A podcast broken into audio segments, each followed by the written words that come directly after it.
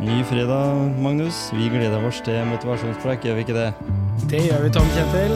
Og så er det en fantastisk gjest som er her i dag òg. Vi er heldige.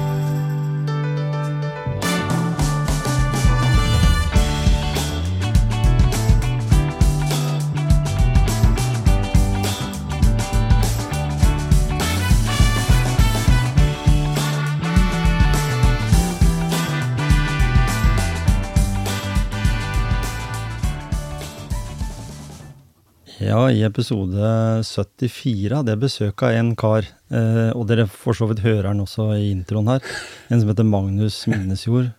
Eh, jeg har sagt det til flere av de som har vært på besøk her, at han er veldig busy, for han går rundt i grønt og, og er, driver Kiwi-butikk, er kjøpmann. Eh, men han har også noen verktøy.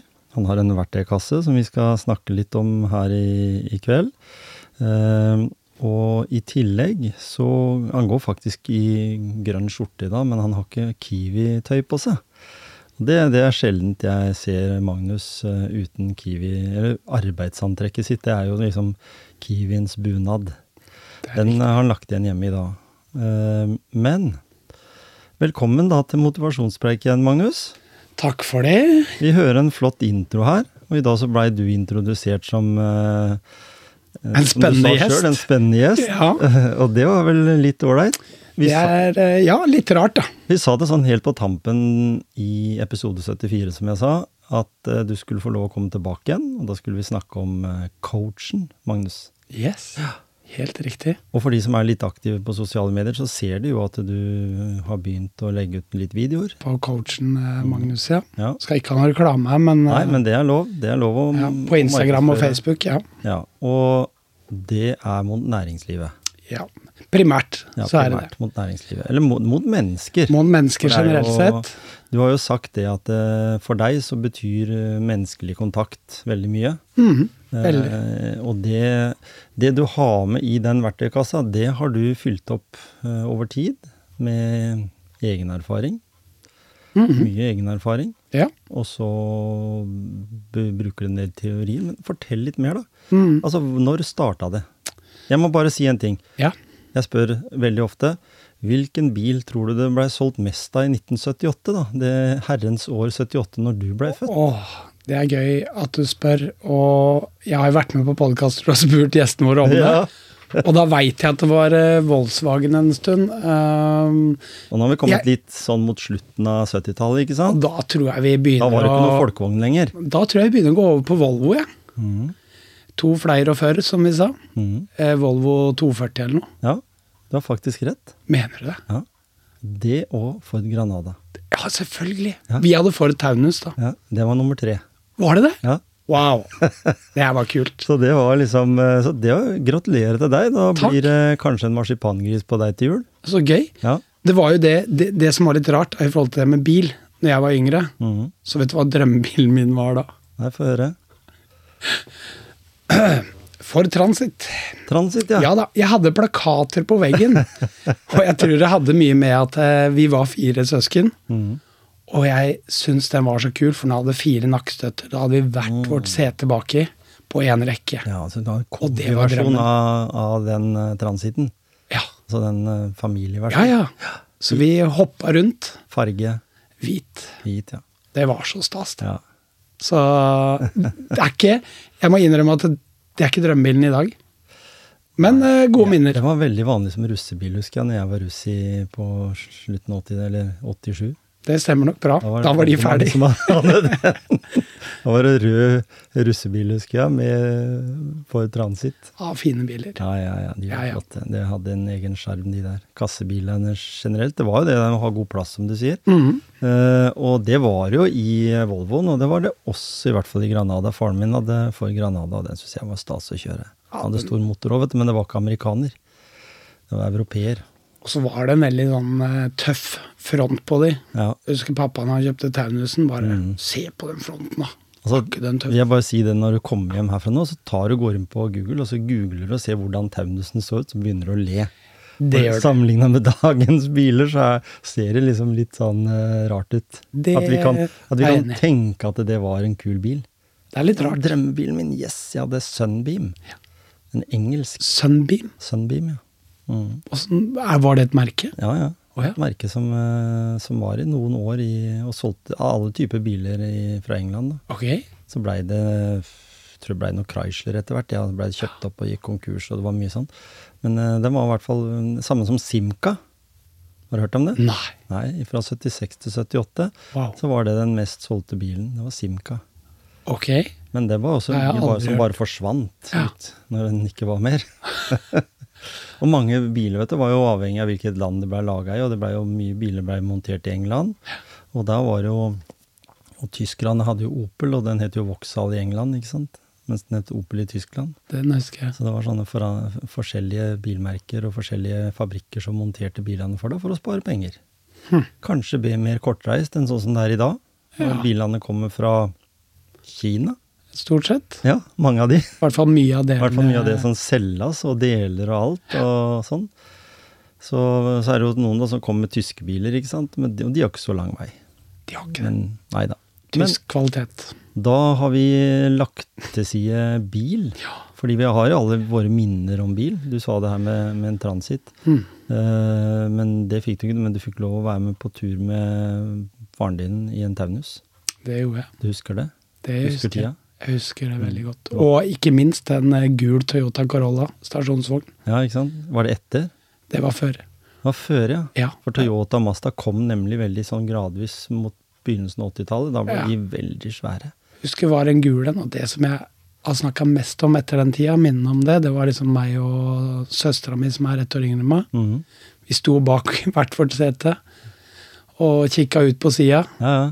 Og det er ganske sykt å tenke på i forhold til i dag, da, med sikkerhet. Mm. Men da sto vi bak setene og holdt rundt nakkestøtten til, til Hun holdt på mamma, og jeg holdt Ja, på pappa. da. Ikke sant? Så der sto vi. Der sto dere. Det var stas. Ja, ja, men det var færre biler på veien, vet du. Det var det. Jeg husker drømmeplassen min var å sitte imellom setene, for det er alltid litt luft mellom setene. Ja. Førersetet og passasjersetet der. Og da kunne jeg nå akkurat bort til kassettspilleren og skifte låt. Det var din jobb. Ja, Ja. Ja, ja. ja. kunne bestemme. Det var, kass var kassettspiller. Ja, ja. Det var det det var. Eller var jo radio bare i mange år. Ja. Det var det. Mm. I bobler var det bare radio. Jeg husker jeg hadde det. Fikk ikke inn noe, da. Det var jo bare Skurring. bølge, bøljebånd, holdt jeg på å si. Radiobånd som ikke du hadde brukt i Norge, omtrent. Men Yes! jeg sa det her i stad. Ja. Vi snakker om verktøykasse. Og det er jo naturlig å dra fram når vi skal nå snakke om coaching mot næringslivet. Mm.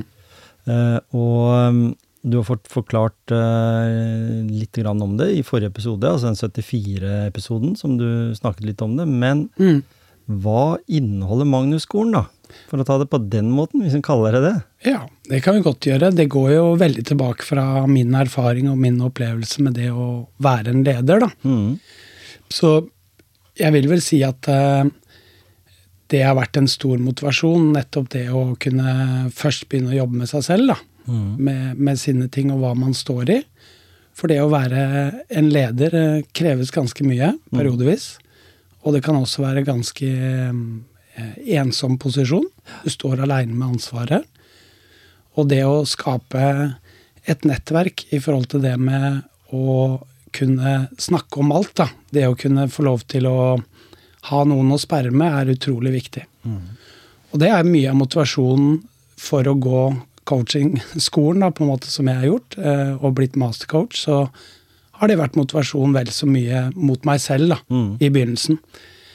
Eh, og nå er eh, den store motivasjonen å, å gi andre den gaven, da. Mm. Og fordi det som jeg tror veldig mange kjenner på, det er nettopp den eh, eh, hva skal jeg si, ensomheten, som jeg sa i stad. Eh, den eh, maktesløsheten når ting ikke går sånn som det skal. Hvem skal jeg spørre? Eh, den i forhold til det med skam og sånne ting. Frykten for å ikke være god nok. Frykten for å være god mm. er også like stor og like mye til stede hos mennesker i dag.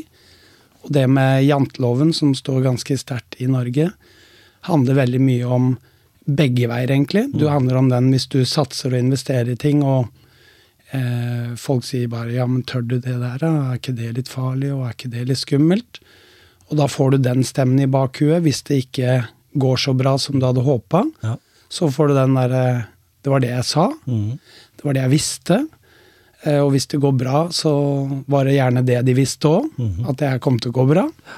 Og det er alle de tingene der, for det derre å heie på de som faktisk tør å, å, å satse, da. Mm. Det har jeg virkelig lyst til å, å slå et slag for. Eh, og virkelig være med de opp- og nedturer. Mm. Og det er så viktig for landet vårt at noen tør å satse. For uten de så har vi lite framdrift. Mm. Så det som eh, jeg har hatt fokus på nå i det siste, det er jo nettopp å jobbe med klienter, næringslivet. Alt fra næringslivskunder av eh, ledere, og ikke minst eh, helt vanlige unge voksne som, eh, som kanskje kjenner at de står litt fast i livet. Mm. Og ja. Og, du, du har jo eh, sett utviklinga hos mange. Mm. Jeg leste et sted at du hadde hatt ansatte mennesker som kanskje ikke hadde så lett for å få jobb, mm. og så så du raskt den utviklinga. Mm. Eh, er det noe du tenker over når du også coacher noen? Fordi eh, coaching er jo litt som Vitapro-reklamen. Det funker for meg. Mm. Eh, og det er en sånn måte en sier det på, liksom, fordi en, en ydmyk coach, da, Mm. tenker jeg, han eh, innrømmer at de metodene en har, kanskje ikke er fasiten for alle, men at det er mulig å prøve. Mm. Mens det er noen da coacher som er veldig bastante på at det jeg sier, det er det eneste rette, og så, og så mislykkes noen, og så tenker de at ja, ja, det var jo da funka i hvert fall ikke det for meg, da, men hva skal jeg nå gjøre? ikke sant? Jeg snakka med den beste coachen der ute, sånn på, på papiret, Mm. eh, og ikke fått noe gjennomslag for de metodene. Det, da mener jeg det blir litt som at noen liker mora, noen liker dattera, tenker jeg da. Mm. Det er jo sånn. Ja, og jeg, det som er viktig for meg da, i coachinga mi og min praksis, da, Mm. det er jo det at jeg alltid er bevisst på å starte i mitt eget hjerte. Og at det blir en hjertecoaching, at det ikke blir en eh, hva skal jeg si, en klinisk eh, samtale som eh, går etter et manus. Mm. Men at det er en samtale som for, først starter hos meg. Ja. For hvis ikke jeg er til stede, og, og det blir bare noe jeg sitter bak en laptop, liksom, Mm. og noterer, ja vel, ja vel. Eh, Så for meg så er det utrolig viktig å være til stede. 100 Mm. Og det jeg opplever da, når vi kommer inn i hjertet, så blir det veldig fort åpning. Mm. Og for meg så handler coaching om tillit, og det å stole på og skape trygghet for klientene er utrolig viktig. Og da merker du også at du kommer mye dypere, og kommer fort til der vi Der man kanskje står litt fast, da. Mm. Og, og, og jeg har hatt flere klienter nå i det siste som har eh, kommet til meg og hatt en time, og så bare sitter jeg bare Det her har jeg aldri sagt til noen før. Og jeg tror det som det handler om, da, det er nettopp den derre tryggheten og tilliten eh, når de kommer inn, som gjør at vi kommer dypt nok inn Mm. som gjør at du klarer å ta tak i de tingene som faktisk er det egentlige problemet. Og, og det er utrolig spennende og fint å kunne være med på, da. Det, det å jobbe mot næringslivet, da. Mm. Eh, nå snakker du om det at du har enkeltpersoner fra næringslivet Mm. som har uh, ulike ting som en trenger å snakke med noen om. Mm. Eh, men så har du jo den derre helhetlige, da. En bedrift. Mm. Og så kan du jo da tenke hvilken side skal Magnus stå på? Altså, Mm. Kan han ha flere roller i dette her? Fordi Ja. det kan jo være fordel noen ganger at eh, mange av de som er i bedri bedriften med ulike oppfatninger om hvordan livet er på jobben, da, Mm. eh, trenger å snakke med et team. Men Mm. her skal du da altså bruke mange hatter, eller har du en metode som sier at eh, her eh, er ikke noe forskjell på leder eller, eh, eller undersått? Du er jo vant til å være leder sjøl. Mm. Nei, det er helt riktig. Det er eh, samme verktøykassa til eh, alle typer mennesker og alle typer grupper. Mm. Eh, for hvis vi snakker mer om retta mot næringslivet, så, så har man litt, mulig, litt større muligheter for mentoring i forhold til det med erfaringer, da. Mm. At eh, ofte så har jeg coachingsamtaler der jeg starter med den utvekslinga der de kan eh, spørre og sperre og, og sånne ting først, før vi går inn i coachinga. Mm. Men det jeg også tilbyr nå å jobbe med nå, det er jo mot eh, bedrifter å selge på en måte pakker inn, da. Ja. Der vi jobber med hele miljøet. Alt fra sykefravær, lønnsomhet, eh, effektivitet, Mm. og hvordan du får menneskene dine i flyt. da. Skape trivsel for, på alle nivåer. da. Så jeg har hatt, ja, så jeg har hatt en barnehage og litt sånt nå. Mm. Ikke sant? Og sånt som vi snakka om rett før vi kom på lufta her. Mm. eh, Dette her med i den bransjen som du jobber i, da. eh, Dagligvarebransjen. Mm. eh, Så sa jo jeg at jeg, her jeg bor, har tilgang på 14 dagligvarebutikker innenfor en radius av fem minutter med bil. Mm. Kanskje jeg har oversett noen, så kanskje det er 15 eller Ja. 16. liksom. Det i hvert fall som, har, som har de samme varene. Mm. Og da snakker vi jo om at du, den, de, de elementene du tar med deg i verktøykassa di Mm. når du besøker eh, andre, er jo på en måte i en bransje som du har lykkes. Mm. Du har vunnet priser for butikken din. Årets matgledepris. Ja, ikke sant? Og du har, eh, har jo tilbakemelding fra eh, folk som besøker butikken din, handler i butikken din, så er du liksom en sånn person som blir sett der også, blir lagt merke til. Jøss, han er på jobb hele tida, eller i hvert fall vi føler folk det sånn. Han gir mye av seg sjøl i jobben. Er det den eh, bagasjen der som du har med deg når du treffer en eh, person? For, Mm. å, for å vise at eh, Ja, for, for du, du har sagt en gang at den dialogen du har med et visst antall kunder Du oppnår jo ikke å ha kontakt med alle. Én av fem, har du sagt. Er den også en, en, en god lære du tar med deg da, når du snakker med andre om at eh, For jeg, jeg tenker at i dag så kan vi ikke som kjøpmann eller som daglig leder se alle. Nei. Hvis du har 100 ansatte eller du har 20 ansatte, så er det veldig vanskelig å se alle de 20. Eh, Men du kan, som sagt, ved å åpne verktøykassa til Magnus, Mm. så kan du lære deg teknikker som, som gjør at en ansatte kanskje får følelsen av å få en bedre leder. Mm. Eller? Er jeg inne på noe? Ja, det der med å være til stede, oppriktig oppriktig til stede. Og det gjelder også mot kunder og skape atmosfære i butikken. Så handler det om å vite hva Altså viktigheten med mennesket, da. Som Mm. menneske som kollega, og menneske som kunde. Mm. Det er mennesker alt sammen. Ja. Og da er det så viktig å anerkjenne hverandre og vise hverandre den eh, respekten. Mm. Og for mine ansatte så er det sånn når du har mange ansatte, så er vi er ulike. ja. Og vi må gi og ta ulikt. Det er ikke, det er ikke en fasit. Men du må ha en viss kunnskap om å Mm. kjenne mennesker. Da. Jeg får, bli det litt skummelt hvis du plutselig skal begynne å snakke om fasiter. Ja, For da er vi inne på det her med ulike mennesker med ulike behov. absolutt. Mm. Det er ikke noe fasit. Nei, ikke sant? Og så tror jeg, det, det som du var inne på med butikken i stad, så har det vært utrolig viktig å, å på en måte dyrke den eh, teamkulturen, da. Mm. Som vi eh, har alltid hegna om. Ja.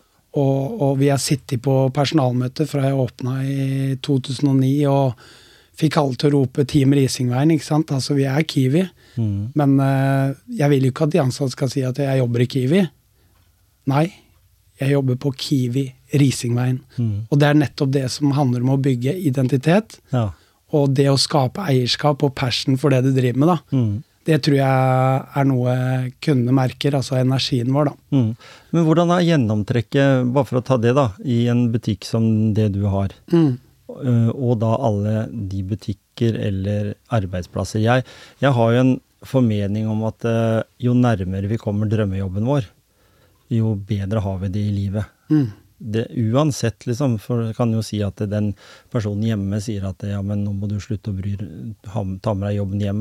Nå må du tenke mer på familien din, nå må du tenke mer på de oppgavene du har her hjemme. Mm. Men jeg er av den formening om at hvis det funker bra på jobben, godt arbeidsmiljø, en har akkurat de passe arbeidsoppgavene som passer hver enkelt, Mm. en er glad når en går på jobb, en trives å være der, og klokka går fort, og når en kommer hjem, så tror jeg at de der hjemme, og andre som det omgås, får en bedre utgave av deg eh, ved, å, ved å kunne ha det, den bagasjen. Og der er vi jo litt ute å kjøre nå, da, for det har vært, eh, høy arbeidsledighet, det er mennesker som går der ute som ikke har fått noe etter pandemi og andre ting, så, så har det liksom og, og, det har blitt mange bedrifter som har permittert. Mm. Gå og suse rundt og ikke ha noe å gjøre.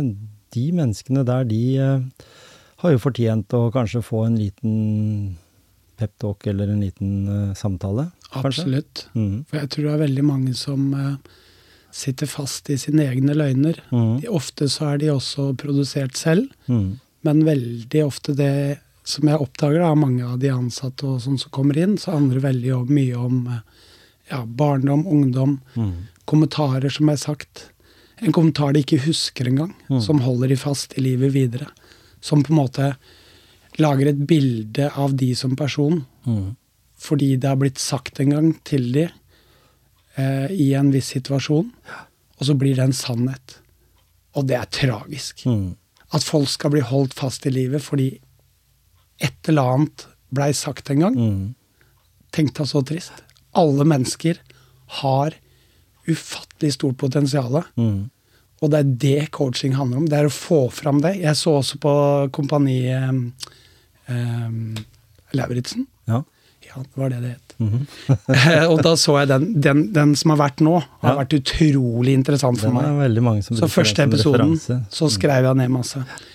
Og da handler det nettopp om noe av det å ta action, Mm. ta eierskap på livet sitt, og alle de tingene der. Hvordan folk sliter med å finne retning. Mm. Og det er eh, coaching ekstremt bra til. Det å, å komme inn sitt sanne jeg, da. Mm. Hvem er jeg? Mm. For det er det spørsmålet vi kommer tilbake til, Mm. som vi går dypere og dypere på. Hvem er jeg? Ja, ikke sant? Og i det øyeblikket du ikke må streve for å ha noe svar for å forklare hvem du er, da er du der hvor du skal være. Mm. For da er du jeg. Da er det meg. Det er det det er. Så den tryggheten der, at ikke vi går med falske, falske løgner om oss selv, da, Mm. det, det, det brenner jeg virkelig for. Ja. Men det er jo noen som har sagt det. Det er jo en, ikke en metode, det for så vidt, men, men Frank Beck, nå da Gyri Beck Solberg, som vi har hatt i podkasten tidligere, Mm. uh, hun har jo dette her slagordet med at det er deg det kommer an på. Mm. For vi er jo på en måte egentlig i bunn og grunn veldig ansvarlig for vårt eget liv. Når, når kommer det inn at vi lærer oss den metoden der du kanskje kan kvitte deg med den bagasjen? da? Fra, For jeg er jo av den oppfatning at den, det må finnes en løsning der den kan snakke om det problemet, som du, som du nevnte på her, som du går og, og bærer på. Mm. Den, den setningen eller den tilbakemeldingen som har brytet deg ned.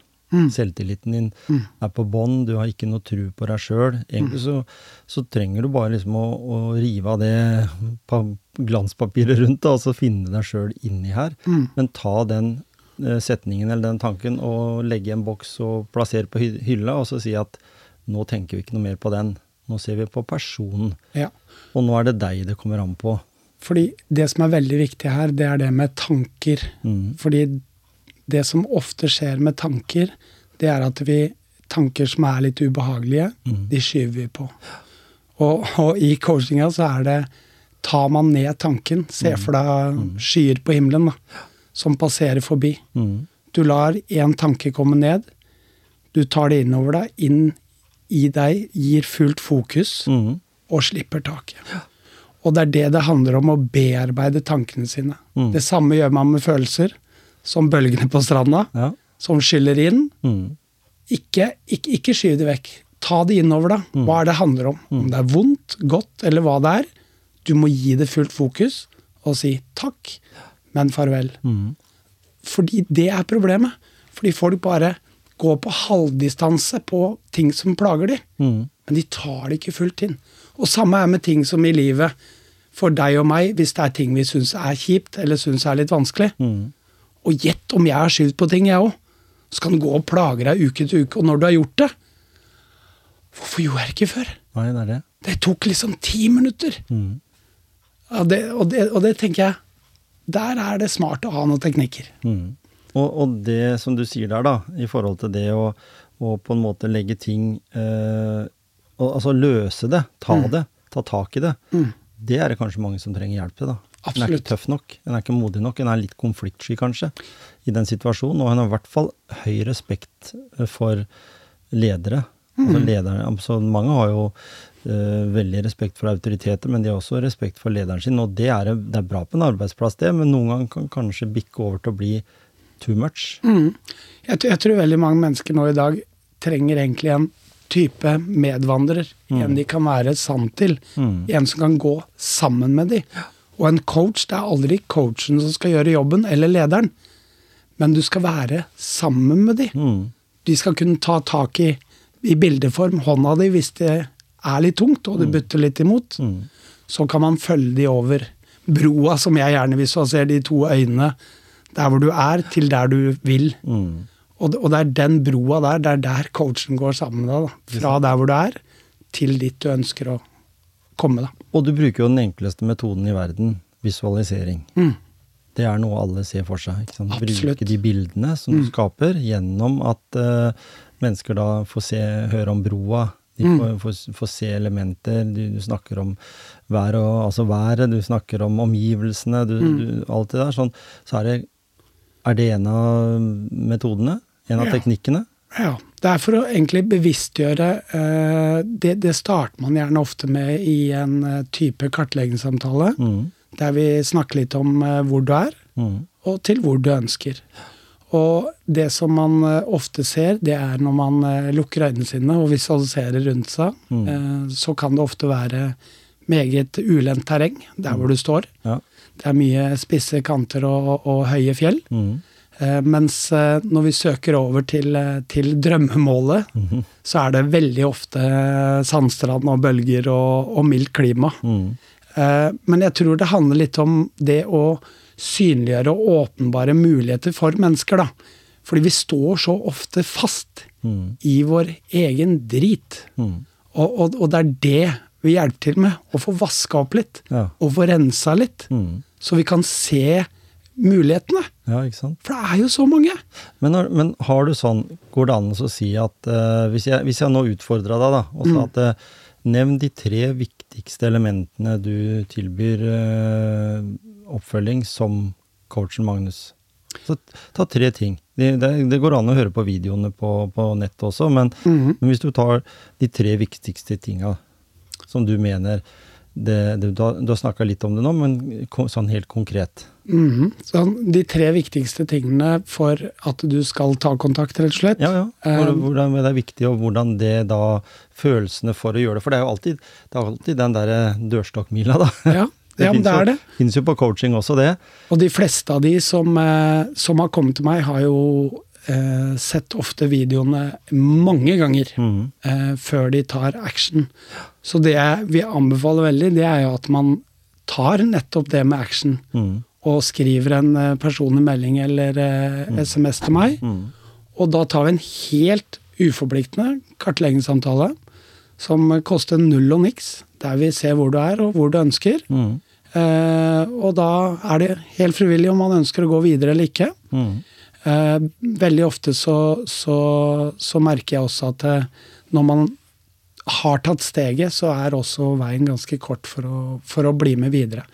Og det, det som, eh, eh, som vi har vært inne på, som du sier, det handler jo nettopp om det å kunne eh, ristarte seg litt selv, da. Der hvor man står i livet nå. Mm. Og det å kunne eh, få fram litt mer av de drømmene som kanskje ligger innerst inne, som du kanskje bar på når du var barn, da, eksempel. Mhm. Det å få vaska litt all den forurensninga du har fått fra barn, ungdom og oppover. Eh, at du får rensa opp litt. Mm. Hva er det det egentlig handler om? Og hvor farlig er det egentlig? Mm. Hva er det du er redd for? Hvis du skal ringe en telefon til, eh, til eh, Skatteetaten. ja, et eller annet, ikke sant? Du frykter det verste. Mm. Du tenker jo at nå skal jeg bli skutt, liksom. Ja. Hvis du begynner å plukke fra hverandre, hva er det verste som kan skje nå? Jo, vi finner en løsning, ja. Mhm. Oi, var det så ille, da? Altså, det er jo sånne ting som, som folk går med og skyver fra seg. Så jeg tror det å ta action, Mm. eh, og ikke minst kunne jobbe med de tingene man føler man ikke mestrer. Man tenker, Mange mennesker tenker bare hadde jeg klart det, så har jeg det og det og det. Mm. Men jeg klarer ikke det. Men hadde jeg fått til det, så hadde det vært helt dynamitt. Altså, vi, vi har ofte sperre for noen ting, da. Mm. Så det er, eh, det er perfekt for å, for å ta kontakt. for å se hva er det det handler om. For å løse opp i de tingene som ligger og sperrer. Mm. Det kan være alt fra, som vi tok i begynnelsen, alt fra å løfte telefon, eller hvis du har, eh, driver en bedrift, du har en fantastisk tjeneste, men de fleste mennesker og nordmenn de sliter med å ta betalt. For å si hvor mye koster det. Ja. Da begynner vi å få en følelse av at nå må jeg forklare hvorfor. Så vi, hvis jeg sier ja, det kostet så og så mye Ja, nei, du skjønner, eh, jeg gikk en sånn utdannelse det, det, det koster en del penger, så jeg må nesten ha litt Altså, vi skal forklare hele tida. Mm. Istedenfor å si du, sorry. Altså, den kunnskapen, den koster sånn og sånn. Ferdig. Mm. Er ikke det fair, da? Eh, og så tror jeg veldig mange sitter fast i sin jobb. Eh, jeg har også hatt en klient som har sittet fast i eh, mange, mange, mange og 30 år. Men har alltid drømt om å drive med noe annet. Mm. Og etter tre coachinger så tok personen eh, action og skifta jobb. Så hallo, det er så mange muligheter. Og det mange ser da, det er at de blir forma og prega av miljøet rundt seg. For folk sier ja, men det er jo det du må gjøre. Det er jo det du passer til. Men hvorfor sier de det? Én ting er av kjærlighet at de mener at du passer til det, men en annen ting er også janteloven at det bare, du, du, du må ikke komme høyere enn meg.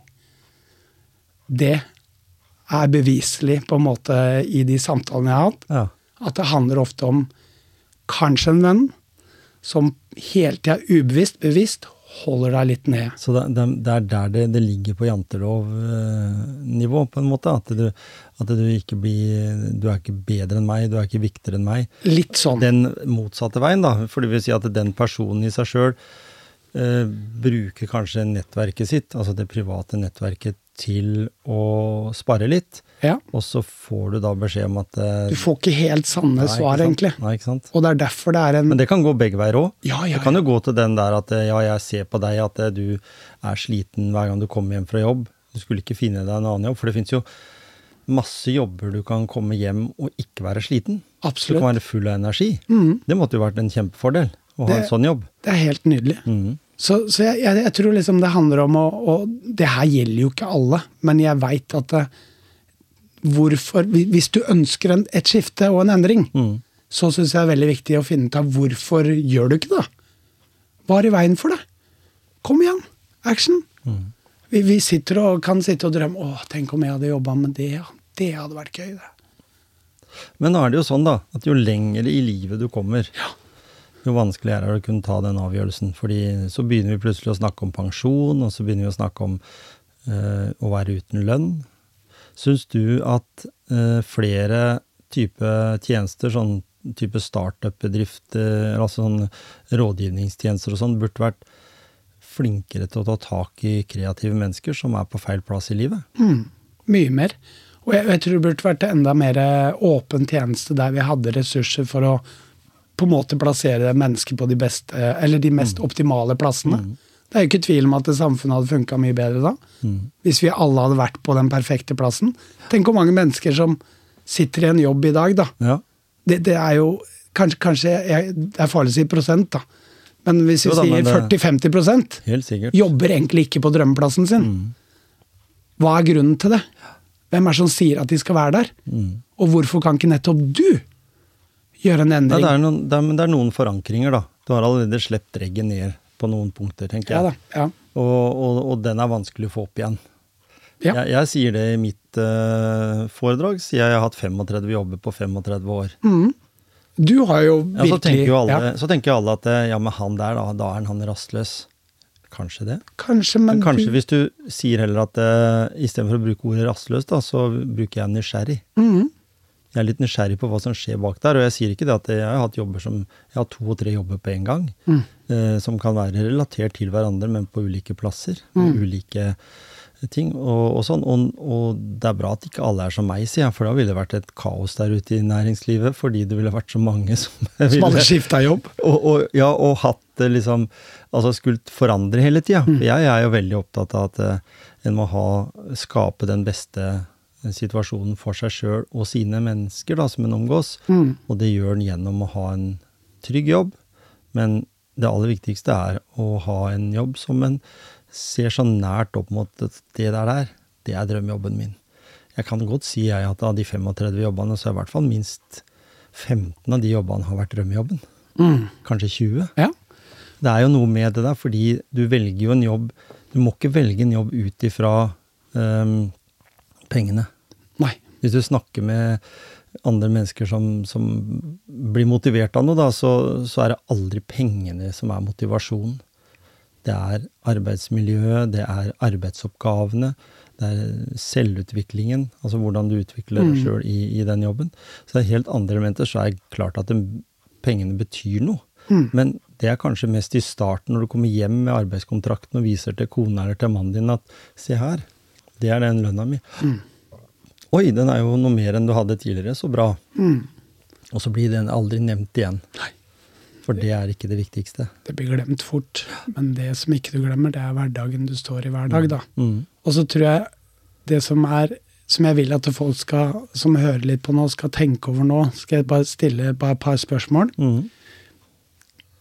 Så hvis dere er klare nå, så stiller jeg det første spørsmålet. Hva er din største utfordring? Tenk deg om nå. Jeg skal ikke spørre deg om det nå, men jeg skal spørre lytterne som sitter her. Hva er din Mm. største utfordring? Og når du har tenkt deg litt om på det, så vil jeg spørre hva betyr dette for deg?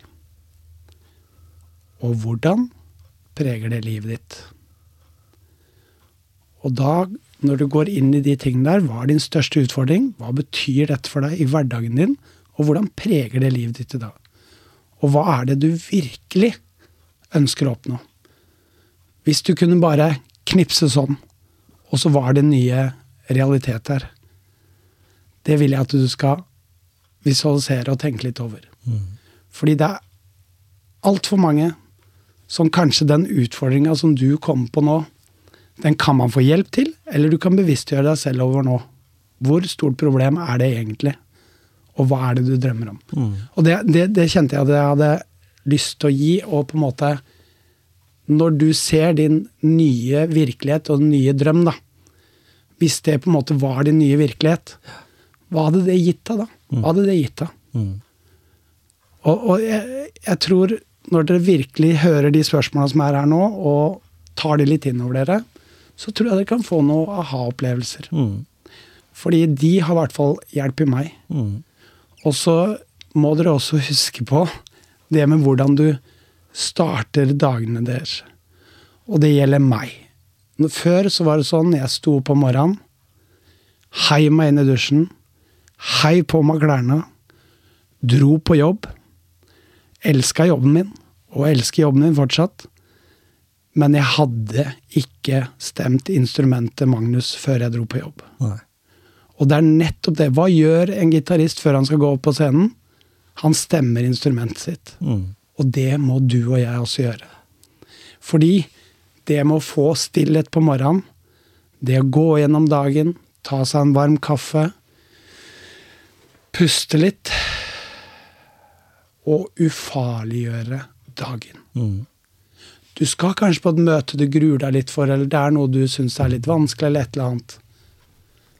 Men hva, gå inn i det. Hva er det det egentlig handler om? Ufarliggjør det. Hva er det verste kan skje da? Nei, det her går jo bra. Altså, vi, vi setter oss inn i sånn krisemodus vi skal ha noen Kanskje et møte vi gruer oss til. Et eller annet skal skje. Mm. Men da er det så viktig at du tar den tida på morgenen med ro og stillhet før vi går ut i verden. Og når du møter da verden med det perspektivet, da er det ikke mye problemer. Men, men er, det, er det der Magnus sin meditasjon? Kan, Ja. vi, kan vi sette det opp som at det er en måte at det, Jeg har jo drevet meditasjon i 14 år. Eh, kan, og, og det vet jeg jo etter å ha holdt på med det i 14 år, at det er sinnssykt mange metoder. Ja. Her er det liksom litt sånn som Vitapro-reklamen din, ikke sant? Ja. Det som funker for deg. Og, og meditasjon kan være den kaffekoppen og den stillheten og roen Ja, når du våkner. Et kjennetegn til som jeg tror vi alle har til felles. Mm. Det er pusten vår. Ja. Og pusten vår er det eneste vi har med oss hele tida. Den er konstant. Mm. Den kan vi jorde oss på hele tida. Så pust Mm. dypere og dypere og dypere. Mm. Da får du en helt annen kontakt og ro med kroppen din. Da. Ikke sant? For vi puster Vi har, vi- fall, ja. vi har i hvert fall to podkastepisoder i Motivasjonspreik som om- omhandler pust. Ja, Det er teknikker som, som eh, de må bare lytte på. det er helt Eh, riktig. Det var vel Anette Haaland og Benedicte Adrian som har snakka om, eh, om pust. Eh, Men det er jo riktig som du sier, det å puste dypt istedenfor å puste bare i skuldre og, og, og bryst, skaper jo mye mer stress enn enn å puste dypt ned i magen. Helt riktig.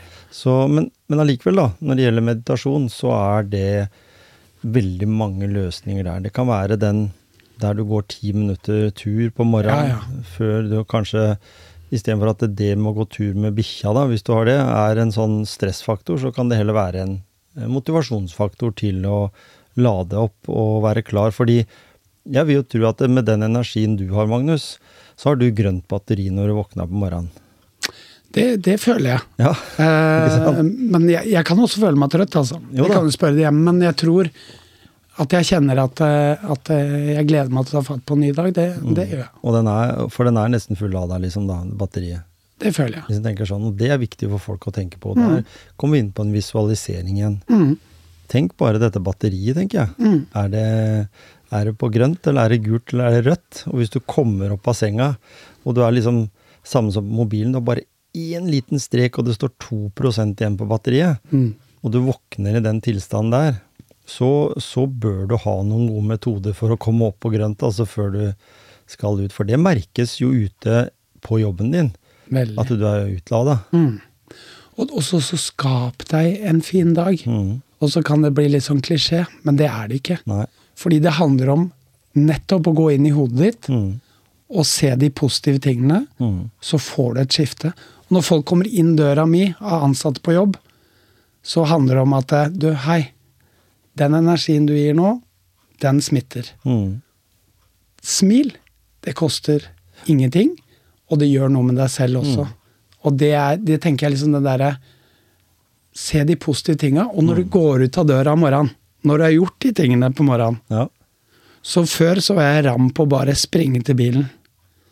Men nå lukker jeg opp døra, ser meg rundt, ser om noe har spira eller grodd, eller noe har skjedd i naturen. Mm. Og så hører jeg Oi! En fugl, jo. Prøv å legge merke til det. Bevisstgjør deg over naturen som faktisk eksisterer rundt oss. For det var mitt store savn. Mm. For jeg klarte aldri å få med meg at der spira, der kom det en blomst. Vi ser det ikke. Nei. Vi sprang forbi. Jo mer detaljert man blir, og jo mer takknemlig der man takker for de minste tinga man har, Mm. Jo bedre får man det. Det er det ingen tvil om. Men, men når du da er i den situasjonen der at du lytter mer til omgivelsen, da, så, så får du en litt annen, eh, litt annen bagasje på veien da, inn, i, inn i jobben din, eller inn i den hverdagen du skal gjennom. da. Eh, Stress takler du på en annen måte, kanskje fordi du har på en måte eh, la, la, bygd opp med de bildene som du overser. Eh, Snakka med mange om motivasjon. Det er jo naturlig når en driver podkast, og den heter Motivasjonspreik. Absolutt. Eh, dette her med da når du eh, har en eh, Du nevnte det, en utfordring. Så er det det vanskeligste ordet i det, som egentlig er en, en mer direkte versjon, det er problemer. Mm. Vi har veldig lett i samfunnet i dag for å si utfordringer. Jeg mener at utfordringer som, eh, som bare ord Mm. eh, i seg sjøl, det er ganske bredt. Mm. Vi kan ha utfordringer ved arbeidsplassen vår, vi kan ha personlige utfordringer, vi kan ha sånn, men, men når? Eh, for du nevnte jo begge deler her i stad, når du nevnte litt om, om, om teorien og praksisen rundt den coachinga di, at, at den må ta problemer på alvor. Mm. Eh, og når du sier da at eh, disse problemene du har, det må vi jobbe med. Mm. Men hvis du sier disse utfordringene du har, de må vi jobbe med. Mm. Hvilken av de to setningene jeg sa nå, føler du som coach er den du lettest kan begynne å jobbe med? Utfordringer. Syns du det? Ja. For da du ikke, men da er du mye nærmere den personen. Mm. Men hvis du problemfokuserer på eh, problemstillingen, Ja, da. hva, hva var på en måte eh, problemet Altså, jeg skjønner hva du mener. At eh, vi har en utfordring. Mm, Men problemet er det som ligger bak utfordringa. Mm. Eh, Og, og problemet er en sterk kraft mm, som bryter ned folk. mm, Det gjør ikke utfordringer. En utfordring kan være en positiv greie, det kan, men det kan også være negativ. mm. Mens et problem er jo ofte veldig sjelden positivt. Ja, Så, det, enig. så hvis du skal begynne å jobbe med en som er skikkelig langt ned i kjelleren, da, Mm, for eksempel, mm. så har han en hel eh, koffert full av problemer. Definitivt. Hvis jeg da som coach eller Mm. Magnus forteller han at de problemene der er bare utfordringer, Mm. tenker du at eh, det er viktig for deg, eller tenker du at det er viktig å ta tak i det som er i den kofferten? Jeg tror eh, mye av de tingene her har jeg sjelden fokus på før samtalen. Eh, det som vi går alltid inn på, er det som ligger nærmest hjertet der og da. Eh, du kan også komme med spesielle behov der du kjenner at du, du sliter med å ta action på det eller det, mm. og gå bevisst inn i coachinga med det. Men det er veldig sjelden man slipper å ta noen stilling til det, for det kommer naturlig. Det som ligger først og øverst på ditt hjerte, da eh, vil alltid være det som dukker opp. Så, så jeg har liksom ikke tatt noen stilling til egentlig hvordan Vi går egentlig bare inn i det, og så, og så, og så tar vi ting for ting, Ikke rett og sant? slett. Det kommer sånn som det kommer. Så, så, og jeg tror også i noen tilfeller så er det ikke noe tvil om at, eh, at det er eh, spesialister som skal ta seg av, av utfordringer, da. Mhm. Eh, Men jeg ser også ofte at folk som kan komme fra Folk som har vært hos spesialister, da, psykolog og sånne ting, mm, mm. har også fått betydelig mer hjelp av coaching, da. Mhm. Eh, Så det er litt sånn Det er litt forskjellige profesjoner, og, og, og psykolog er superviktig, så, så når det er alvorlige ting, så mm. vil man alltid henvise videre dit, bare så det er sagt òg. Men, men allikevel, da, så er det jo tall som viser at mellom 70 og 80% av de som havner hos psykolog, Mhm. de trengte egentlig bare en coach. Coach. Ja. Og, og det er de jeg ofte har fått, de som eh, er i den kategorien som Det er jo så lange ventelister. Ja, ja. ja. og så- 28 måneder. Ja, og så ser man ofte at vet du hva, Mm. den, han eller hun trengte faktisk bare en som lytta. Mm. En samtalepartner. Ja. For det er det coaching handler om. Altså Jeg stiller spørsmåla. Svara sitter på meg sjøl. Mm. Det er ikke jeg som kommer med svara, men det ligger i deg. Mm. Og jeg hjelper til å grave de fram. Og, og det blir jo ofte en mer match. Eh, altså du kommer tettere på, for du er mer likestilt med den du sam- samtale med, Mm. når du er eh, en coach Mm. som lytter, Mm. og som har noen gode verktøy i verktøykassa, eh, i motsetning til ofte en psykolog eller en psykiater som ofte har teorier å Mm. forholde seg til fordi en er eh, faglært på en annen måte. Men som du sier, er det noen som er skikkelig langt nede, trenger å få stilt en diagnose eller sånt noe for å bedre hverdagen, Mm. Eh, så er jeg enig med deg der at da, da går eh, da, da må en inn i det, det systemet. Absolutt. Så det er viktig for, eh, for meg å si. Mm. Og jeg tror at de fleste menneskene som også, det, er, helt naturlig at ikke livet er på topp bestandig. Ja, ja. Det må vi aldri glemme. Og det var en som sa til meg en gang at når jeg kjente at du kjente på verken glede eller sorg, Mm. det var liksom flat struktur. Og så sier han har du tenkt på en ting? Det å bare anerkjenne og være med det. Mm. Og idet jeg sa det, så tenkte jeg ja, det er jo helt normalt. Mm. Så, så vi må ikke glemme det å lage til at livet skal være på topp hele tida. I, I forhold til at du skal hoppe rundt og danse rundt hele tida. Det er liksom heller ikke naturlig. Nei. Så det er viktig å nyansere de bildene der. Mm. Men, eh, men eh, ja. Og så tenkte jeg på, på det Jeg spurte deg når jeg kom inn her. Mm. Så spurte jeg har du et timeglass. For i logoen min så er det timeglass. Og det har jeg bare lyst til å si kort om nå. Mm. Kan jeg gjøre det nå? Ja, ja. Eh, som jeg syns er utrolig Hvor stort er det timeglasset på? Ja, vet du hva? Jeg ønska meg nå til jul flere timeglass i Ja. forskjellige Ja, størrelser. sant? for jeg kommer til å dyrke det Mm. i mine foredrag og sånn. og Jeg skal snakke om det med eh, hvordan vi lever i nåtid, og hvordan vi ikke lever i baktid og fortid. Mm. Og det handler om nettopp det med timeglasset er så visuelt fint. For sanda, den renner. ikke sant? Mm. Det tror jeg alle kan se for seg. Ja. Og, og det som er i bånn, det som ligger i bånn, det er livet som er forbi. Mm. Ikke sant? Det får vi ikke gjort noe med. Nei. Vi får det ikke opp igjen. Da må vi snu oss sjøl på huet og gå motsatt vei. Mm. Men det, det klarer vi ikke sett i livsform. Nei. Det livet er forlatt. Så da tenker du at timeglasset beviser livet? Ja, så la oss Mm. ikke grave ned den gamle sanda som ligger der. Nei. Det er ferdig, dere. Mm. Det er forbi. Men vi kan se fortid, framtid, hva vi visualiserer og drømmer oss videre. Mm. så sanda som ligger over, er jo eh, det, det er jo livet vårt som er igjen. Mm. Og det som, sanda som ligger over, det kan vi også egentlig legge et papir foran. For det bør vi heller ikke se. Nei. Fordi vi vet ikke hvor lenge vi har igjen. Nei? Men på det smaleste i timeglasset, det er der livet skjer. Mm. Her og nå. Her og nå. Og da spør jeg, hva skal vi ha fokus på? Mm. Skal ha fokus på fortid, baktid, eller her og nå? Hva kan du gjøre med livet ditt nå? Men, når, men når du sier da, altså hvis du sier et timeglass har jo en type flaskehals, Mm. et punkt der det er trangere enn Trangere. der det ikke er så trangt, Ja. så tenker jeg igjen, for det jeg har snakka med andre om også, dette her med at uh, ting uh, går ikke fortere enn det treigeste eller det, det, eller det tregeste ledd. Nei? Så det vil si at eh, sånn som, sånn som jeg ser at eh, Jeg mener det var Cato Zahl Pedersen jeg snakka med, som, og vi snakka litt om det her med Hvis du er ute og kjører, f.eks., Ja. så er vi så stressa fordi det og jeg, og jeg kom veldig for seint akkurat da, for det var skikkelig snødriv over eh, Siljan og oppover der.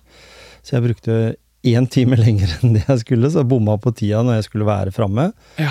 På Nesodden. Ja. Jeg kom én time seinere. Vi var i dialog på veien, men jeg kom én time seinere. Og det jeg da, da Men jeg er helt rolig når jeg kjører, fordi jeg stresser ikke, og jeg ser på klokka at det var kjedelig at det blei sånn. Mm. Og på et visst nivå kan det hende det dukker opp at nei, jeg tror ikke jeg rekker allikevel, jeg, så du kan bare snu.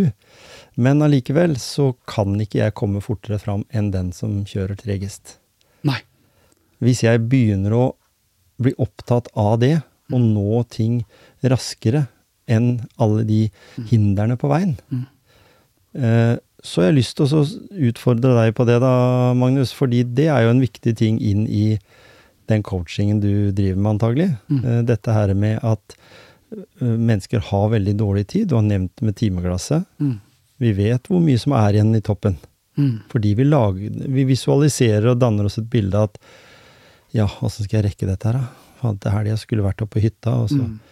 Altså, kort, ha- kortsiktig timeglass tenker du på mer Ja. enn sånn i korte perspektiv? Ja, fordi Ja. vi har altfor mange ting på timeplanen Yes. som gjør at vi får tidsnød. Nød, ja. Eh, Det går utover barna våre. ja. Det går utover eh, foreldrene våre, hvis en tenker sånn. Det går utover eh, arbeidskolleger. Mm. Det går utover han som sitter i kassa på Kiwi. Det går Det utover det. alle. Og- det, og det skaper også bare For en kan jo si det her med sykdommer, da. Mm. Skaper stress, skaper kreft. Mm. Det er ikke sånn direkte, men på sikt Mm. så skaper det alvorlig sykdom ved høyt stressnivå gjennom livet. Det skaper eh, hjerteproblemer. Mm. Det skaper andre Altså en del ting. Det skaper samlivsbrudd. Mm. Er det sånn at Du sa det her i stad. Puste med magen. Bruke tid. Altså tenke at eh, tid, være til stede her og nå, det er, det er noen vanlige sånne praksiser i forhold til det meste innenfor meditasjon og mindfulness og sånn. Mm. Være til stede i nuet, som du sier. Mm. Da blir vi rolig. Nå blir jeg bare det å prate rolig, med deg, Magnus, så blir jeg kjemperolig. Jeg jeg legger meg og dubber av litt, jeg. Ja. Nei, men, men skjønner du hvor jeg vil hen? Ja. Dette her med å unngå det, fordi du har så mange faktorer der ute som hindrer deg. Mm. Akkurat nå har vi veldig lyst til å prate kjempemye negativt om Støre. Mm. Han er bare en mann, en person som prøver å løse en problemstilling vi har i landet vårt akkurat nå, eller i alle land Mm. i hele verden. Med, med litt spesielle forutsetninger Ja. for å lykkes. Og Norge er en. Men også har vi Hadde vi vært i 1948 nå, mm. så hadde vi ikke hatt 12 300 milliarder kroner på bok. Vi var blakke. Mm. Vi hadde ikke penger. Vi vet det er de fattigste, fattigste landene i Europa Mm. etter krigen. Da snakka vi jo ikke om den saldoen vi vet vi har nå. Vi snakka ikke om de 12 000 milliardene som vi har. For, og det er det, de snak, det vi snakker veldig mye om nå, som kan løse den konflikten. Men da har jeg lyst til å høre Tror du at vi kan greie å løse det annet enn med penger.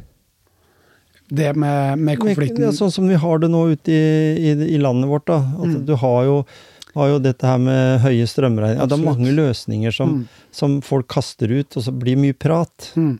Men, og, og den som får skylda, er jo da Støre som sitter på toppen. Det er jo ganske så naturlig. Sånn er det på en arbeidsplass. Du får skylda, du på Kiwi, hvis uh, ting ikke funker. Fordi du har, da har ikke du gjort jobben din.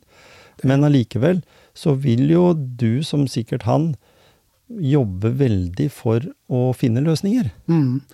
Og, og jeg tror at eh, det er mye eh, som kan skje i sånn tid vi lever nå, da. Mm.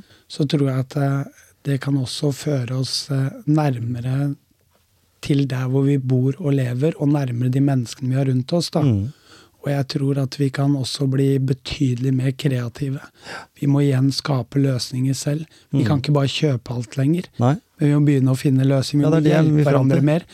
Og vi må være mer til stede for hverandre. Og jeg tror vi Mm. kan bli bedre mennesker. Og du så under koronaen, som jeg Mm. har sagt før òg, da begynte plutselig nærområdet å bli i bruk igjen. Mm. Du ser, eh, du ser gapauker bli pussa opp, stier blir tråkka opp igjen. Mm. For før, eller som, som vi ofte har vært i, kanskje vi nordmenn nå, de siste oljealderen vi har vært i nå, da. Mm. Det er hele tida at vi har sett fram til den ferien vi skal på, til Syden til høsten. Mm. Så lever vi bare for den. Ja. Ja, og tenk nå, nå er det bare tre måneder igjen. Nå er det bare to måneder igjen. Ja, men hva med i dag? Mm. Du kan gå ut og nyte den fantastiske naturen vi har rundt oss. Ja. Og det tror jeg liksom gjør oss mer eh, takknemlige og mer jorda, da. Så ikke leve hele tida framover. Da blir det bra. Da blir det bra, da. Tenk når jeg får den bilen. Ja. Wow! Da blir jeg lykkelig, da. Det tror jeg ikke. Den, Alle, alle, den, ja. de, alle de jeg snakka med, og, og, og hører jo en del på podkaster òg, ja, alle de som kjøper den råeste bilen, det er kult det uke. det er det. Og da, vet du hva noen som sa til meg der? Hvis du drømmer om en eh, Ferrari, da. Ja. Vet du hva du skal gjøre da? Ta og lei den. Bruk de pengene det koster å leie den i to måneder. Mm. Kjør rundt med den, så er du ferdig med det. Ja. Så er du ferdig. Mm. Fordi den blir like vanlig for deg som en bil som koster en million mindre. Mm. Den blir like vanlig. ja, ja, ja. Du blir like liksom Skjønner du hva jeg mener? Mm. Men, men når vi, vi var inne på dette her med Jeg har lyst til å ta en liten tråd sånn mot slutten. Ja. Eh, og du har jo sagt litt om det du òg, faktisk. Dette her med folks handlevaner har jo vært som et resultat av eh, Det blir jo fordi du driver butikk. Var det Thea det sto. ja, det var Thea. Ja. At uh, det at folk har endra litt vanene. Så tenker jeg eh, Vi vet jo ikke hvem disse menneskene er i utgangspunktet. Det er noen som står fram i media og forteller at de er fattige, at de må skrape sammen, stå i kø for å få mat osv. Mm. Så tenker jeg det akkurat her og nå, det beste jeg kunne gjort for noen, det var at jeg dro på Kiwi på Rising og kjøpte en pose med diverse matvarer. Mm. Og så gikk til en nabo jeg visste ikke hadde det så enkelt akkurat nå, og ga de den posen med mat. Mm. Og sa at vær så god, her har du den, ha, ha, kos dere med det og ha det bra. Og hvis ikke de eh, lukket opp døra, så kunne jeg bare satt den på trappa òg, egentlig, da. Men Mm. bare sånn at du, gjorde liksom noen sånn Men så vet vi ikke hvem de menneskene er, da, vet du. For folk har så stolthet, og en vil helst ikke liksom stikke seg ut og, og sånne ting. Så, så, så det tenker jeg at det, hva, hva tror du om den beste løsningen der? Som, som coach og som mental trener for, for andre, Mm. så har du sikkert en mening om hvordan du tror det Men, mennesker som sliter, på en måte? Eller vi på har, vi har jo folk som har det litt vanskelig for tida, det ikke, og det kan være kortsiktig. Ja, ja, ja. Det kan være nå for en periode. Mm. Eh, og, og de kunne trenge litt hjelp uten at det skal føles som at det, Ja. det blir kleint. Jeg tror for meg så er jeg ganske overbevist om at eh, det å rekke opp en hånd og si at vet du hva, nå er det ikke så greit, nå er det ikke så lett, det gir mer respekt enn å gå Mm, eh, med det inni seg, da. Fordi vi mennesker, vi, vi, vi tåler det. Mm. Altså det, vi, vi må ikke frykte å dele noe at vet du nå har ikke jeg det så greit. Nei. Og det er helt greit. Og det er helt innafor. Mm. Det er ikke noe skam rundt det. Men allikevel så er det vanskelig. Ja, det er kjempevanskelig. Fordi vi, og spesielt i samfunnet vi har levd nå, Mm. så har vi blitt mer og mer egoister. Mm. Vi har blitt mer og mer ringa om vår kjernefamilie. Ja. Vi, vi har jo knapt hils på naboen, ikke sant? Mm. Og det å høre hvordan går det egentlig med deg? Ja. For vi sier 'går det bra med deg'? Ja, altså da, da har du liksom spurt på forhånd og sagt 'det går vel bra med deg', Mm. men går det, hvordan har du det egentlig? Mm. For hvis folk sier 'ja, det går bra', men hvordan har du det egentlig? Mm. Trenger du hjelp til noe? Er det noe jeg kan gjøre for deg? Er det en tida Altså det å komme litt dypere på folk, da. Mm. Mm. Det tror jeg liksom er, er nøkkelen til å skape et mer åpent samfunn. Mm. Der det gjør også at det, naboen din som bor ved sida av deg, at det, det kan godt hende den står bedre stilt. Mm. Men det kan godt hende den har kjempelyst til å hjelpe til. Men da må du si fra! Ja. Og det er det vi må tørre. Mm. Så det, jeg tror det er, det er nøkkelen å være mer ærlig, da. Så der må jeg da si, som kjenner deg, og som merker at du har en ganske sånn bruk, Du bruker hjertet når du, du det, det kan jeg jo si da til dere kjære lyttere, at hvis dere vil snakke litt mer med Magnus, så vet dere at dere her får dere en ærlig svar. Her får dere en ærlig måte, fordi det er i, fra hjertet det kommer. Eh, ikke fra en bok, eller fra en perm, eller fra en powerpoint. Nei. Jeg har lyst til å spørre, har dere kasse til Hvordan er dere med nabolaget? Er dere noe i omvendt julenisse, dere, eller? Ja, du vet hva. Eh, Vi har vært med i Omvendt julenisse hvert bidige år, Ja. og heier på de som bare det. Mhm. Eh, I år så, så har vi Frelsesarmeen sin vogn oppe hos oss. Ikke sant? Eh, fordi de står også opp hver bidige dag hele året eh, for de fattige. Mm. Vi leverer også uh, maten ned dit i forhold til uh, alle julepakkene som juleposen blir delt ut. Ja, ja. Uh, så eh, Så dere har gått enda mer inn i det? Ja, vi Fordi har det. Altså, liksom- Vi pakker også de varene til, eh, til Frelsesarmeen. Da er med, det er de som pakker de ut og leverer ut. Ja. Vi leverer maten ned, da. Ikke sant? Eh, så jeg må virkelig si at jeg er imponert over det arbeidet Frelsesarmeen gjør gjennom hele året. Mm. Uh, og, det, det, og det er så mange fine Det er Bymisjon. Uh, du har omvendt julenisse. Fantastisk. Ja, ja. Og nå skal jeg ikke glemme noen, for det er så mange flinke rundt Ja. der. Og, og så Så sånne prosjekter Der kan vi ha. virkelig bidra nå, da. mm. Gi. Og det som alle de prosjektene sier, er at det er veldig mange av de som har hjulpet til og, og jobba og, og bidratt, Ja. De står i den matkøen i dag. ja Er ikke jeg det trist? Jo, veldig trist. Veldig trist. Mm. Og, og jeg tror eh, det er utrolig viktig å kjenne den ydmykheten overfor det, for det kunne vært meg. Eller det kunne vært deg. Ja, ikke sant? Og hvordan vi ser på hverandre. Mm. Og, og det er at eh, verdien på et menneske er like mye verdt. Mm. Og sånn som jeg, jeg må ta det på slutten i forhold til Ja. eh, Jeg har jo hatt noen utfordringer opp igjennom i forhold til tyveri osv., ikke sant. Mm.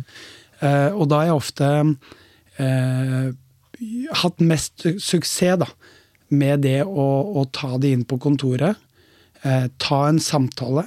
Ikke noe sinne eller eh, hissighet over det, men legge seg på akkurat samme nivå. Mm. Og det første jeg sier alltid er du vet at du og jeg, vi er like mye verdt. Mm. La det ikke være noe diskusjon. Ikke sant? For jeg skjønner at du har det ikke greit, som faktisk må stjele seks øl av meg nå, eksempel. Mm. Og det du kommer alltid da, da kommer du inn i hjertet igjen. ikke sant? Og da får du en forståelse begge veier. Og jeg skal love deg at de som tok den ølen fra meg da, de kommer heller aldri å ta fra meg. Nei? Fordi vi- blir du, møter du mennesker med hard hånd, da, Mm. så, så kan godt hende du ser dem mer, men møter du dem med hjertet, Ja. så får du en helt annen respekt. Mm. Og det må jeg si på slutten, jeg kommer veldig mye nå, men jeg kommer veldig mye borti saker. Jeg er jo så heldig jeg er i konfliktrådet også nå, Ja, ja. så jeg er jo mekler der. Mhm. Så der sitter jeg med masse type ungdomssaker. Og det er nettopp der vi driver med den opprettende samtale, Mm. som det heter. Det er ikke bare at de får en paragraf og en dom og blir dømt, men de skal snakke sammen. Mm. Hvordan skal vi gå livet sammen videre? Hendelsen har skjedd. Mm. Ja, du har fått en straff, kanskje hvis det er en straffesak. Mm. Men hvordan kan vi leve videre sammen i et samfunn? Ja, ikke sant? Og det er fantastisk dynamikk som skjer i de opprettende samtalene. Ja. Det er to mennesker som kanskje hata hverandre før de gikk inn, Mm. og kanskje nå klarer å Det er ikke sikkert de elsker hverandre igjen, og det er ikke nødvendighet heller, men det er det at de vet hvordan de skal forholde seg til hverandre videre i livet. Mm. Så det, det vil jeg også få med meg. Så bra. Og, og i tillegg, vet du, Magnus, Ja. vi nærmer oss jul. Vi Ja. har snakka om det nå, med julegaver og omvendt julenisse og Frelsesarmeen og, og sånn. Mm. Kirkens Bymisjon. Hva har dere på bordet på julaften? Du vet hva? Eh, vi er jo egentlig ribbefamilie. Ja. Eh, og så har jeg en svoger som er eh, bergenser, så det hender vi har hatt også pinnekjøtt. Mm. Så de siste åra har jeg kjørt litt begge deler. ja. Men i år, ikke for å røpe for mye, for hele den familien kommer der, men det blir nok ribbebar i år, altså. Ja. Vi blir 26 stykker på julaften i år. Ja, ja. Så det er hele storfamilien. Så Erling, hvis du hører deg, sorry. Det, jeg er redd for eh, at bergenseren må vike i år, altså. Ribbe kan vel være godt, i år? Ja, det blir kjempegodt. det? Kjempegodt. Og så husk på en ting nå. Jeg har mye på hjertet, skjønner du. Ja. Men det er det med Det er derfor du kom. Det er jo det. Mm. Og så er det det med hvordan vi behandler hverandre. Og jeg tenkte på det, du var inne på det med ekteskap, eh, kjæreste eller hva det måtte være. Så har jeg et sånt tips eh, i slutten nå. Mhm. Og hvis dere alle gjør det her, så er det dynamitt, men det er veldig enkelt. Når du kommer hjem fra jobb, eller dere møter hverandre på dagen, gi hverandre en klem. Og hold den klemmen. Det bør faktisk ikke være mer enn 20 sekunder, men i de 20 sekundene så skal du gi ett kompliment. Og så skal du si én setning til, som handler et spørsmål, som handler om hva kan jeg gjøre for deg i dag? Uten at du har noen forventninger. Men det kan være alt fra 'Å, det har vært så deilig om du tok oppvaskmaskinen da'. 'Å, det har vært så deilig om du gikk ut med søpla'.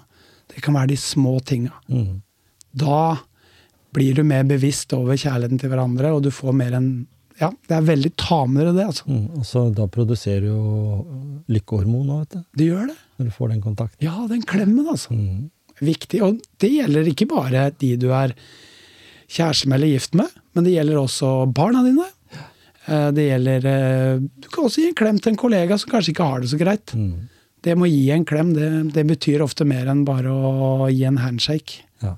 Det er lov til å Nå klemme. er det lov òg. Ja, det er det! Det er lov, det. Og det digger jeg. Ja, ikke sant? Jeg er jo en klemmer sånn sett. Ja. Du, har du fått klem av meg da, forresten? Nei, Nei? men jeg kan ta en etterpå. Ja, ja, det er bra. Det er bra. Da sier jeg bare god jul ja, til deg. Og Yes. du får ha en kjempefin eh, julefeiring med 26 av de nærmeste familie. Ja, takk i like måte. Takk for det. God jul til deg og til alle lytterne, hvis ikke jeg rekker innom igjen. Ja, ikke sant? Utrolig takknemlig for å være her. Mm. Og jeg håper de som hørte på, fikk noe ut av det. Så send meg gjerne da en eh, personlig melding på Facebook eller på Instagram på coachen Magnus. Eller gå på min Magnus eh, Minnesord-profil på du fin- Facebook. finner det meste opplysninger der. Så, så har Magnus sørga for at veien er kort. Veien er kort. Mm. Det kan jeg love. Veldig bra, Magnus. Tusen takk for at du blei med i Motivasjonspreik. Tusen takk, det samme.